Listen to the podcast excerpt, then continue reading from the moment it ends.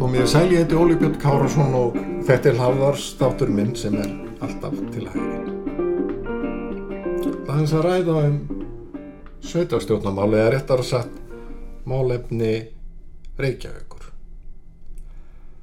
Það var skrifað í skíin eftir sveitastjórnarkostningarnar að Dagur Bjækjarsson heldi áfram sem borgastjóri.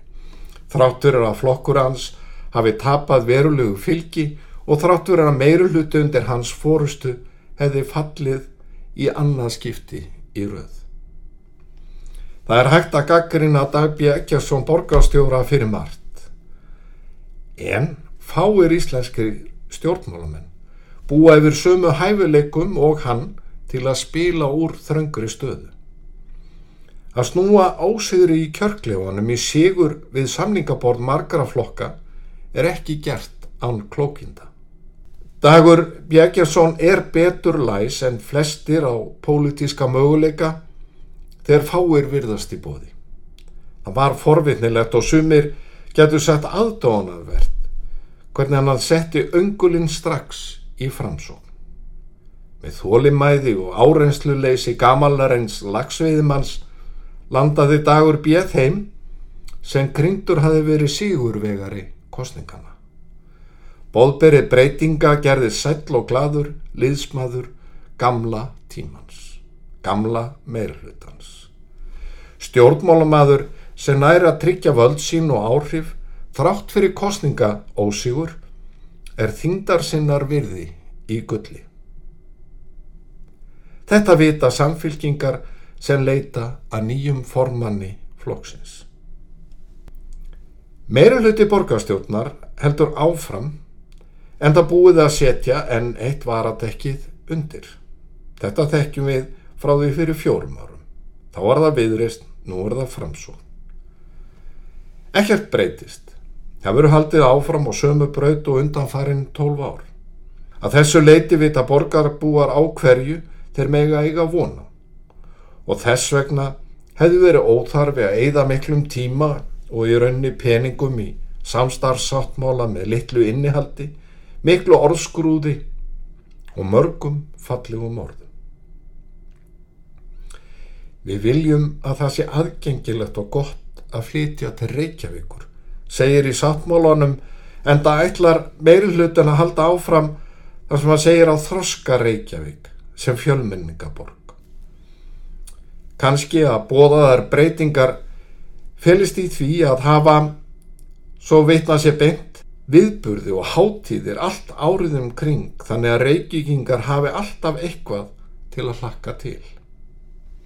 Og svo má auðvitað ekki gleyma tilraunaverkefni meirulhutans með miðnætur opnun einn dag í viku í einni sundlaug borgarinnar. Og meirulhutin ætlar að kannu og skoða ímislegt. Við, segir orður eitt, ætlum að kanna vilja ríkisins, kanna vilja ríkisins til að setja upp vísindasann í Reykjavík og skoða sölu á malbyggunastöðinu höfða.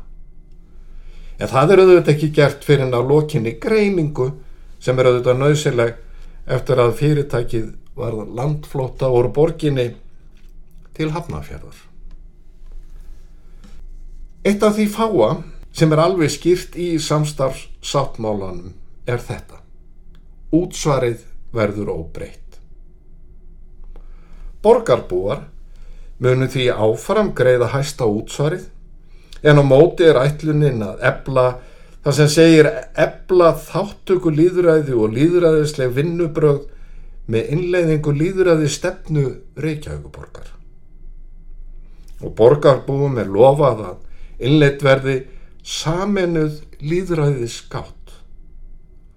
Og meirulhutin heitir því að bjóða börnum borgarinnar að koma í heimsókn í ráðhúsa Reykjavíkur til að kynnast líðræðinu og fá kynningu á störfum borgarstjórnar. Hvorki meira enn í minna. Ekki verðist meirulhutin hafa áhuga á að koma til mótsvið íbúana sem horfa fram á stórkostlega hækkun fastegnagjalda vegna hækkunar fastegna mats sem er bein afleiðinga á þeirri skort stefnu sem fyllt hefur verið í Reykjavík og leitt hefur til gríðarlegra hækkunar íbúðverðs.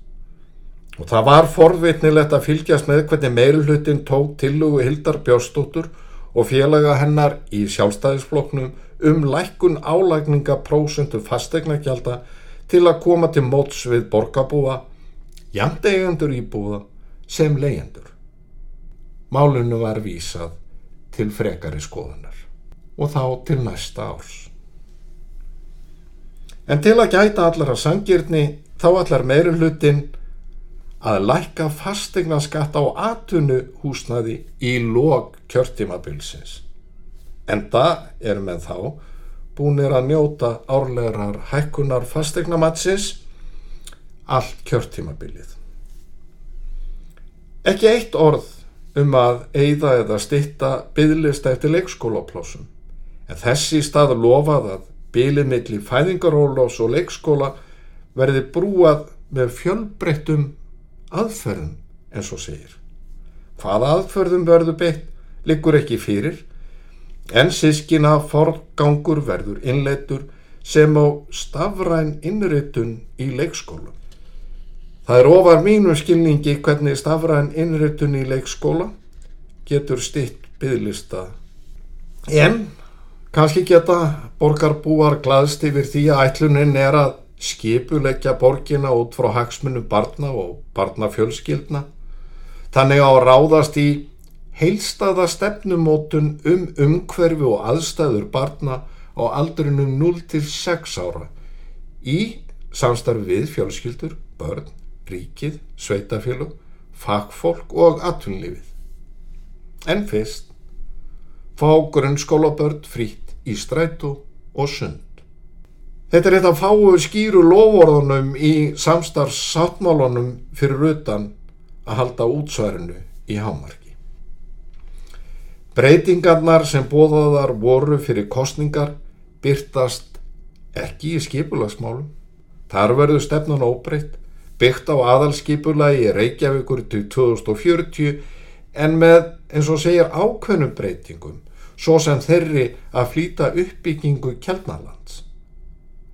En svo breyting hefur leiðið lengi fyrir og er hluti af samgöngusáttmólanum og markar enga nýja sín meirulhutans. Umbúðunar vandar hins vegar ekki um skipulagsmálinn. Áhersla verður á þróunar ása borgarinnar og visslokk og grænar tengingar. Borgarskipulagi á að stöðula að því að ebla tengsl millir íbúa til að vinna gegn einmannanleika. Og það er í sjálfu sér umhugsunavert að það sé talið nöðsynlegt að skrifa inn í sáttmála að meiri hlutin ætli að virða alla samninga Reykjavíkuborgar og ríkisins um innanlandsflug.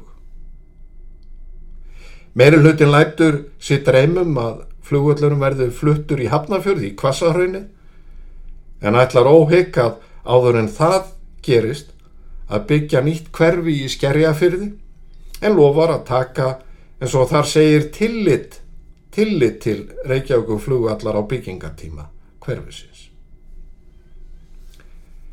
Fyrir íbúa höfuborgarinnar skapar samstarfsáttmálinn ákveði vandamál. Þeir geta illa fylgs með eða átta sig á í lók kjörtjánbilsins við hvað var staðið og hvað ekki. Það er engin skýr markmið sett en falli orðun nótuð, orð sem flestir geta tekið undir að hlutega það öllu leiti. Allir vilja, já, borgarbúar sem aðri landsmenn, að Reykjavík sé borg þar sem óbeldi er aldrei liðið, en svo segir. Allir vilja vera samstíkað í því að taka enn starri skref í átta ofbeldislausri Reykjavík með því að hrinda nýri aðgerðar áallun gegn ofbeldi hratt í framband.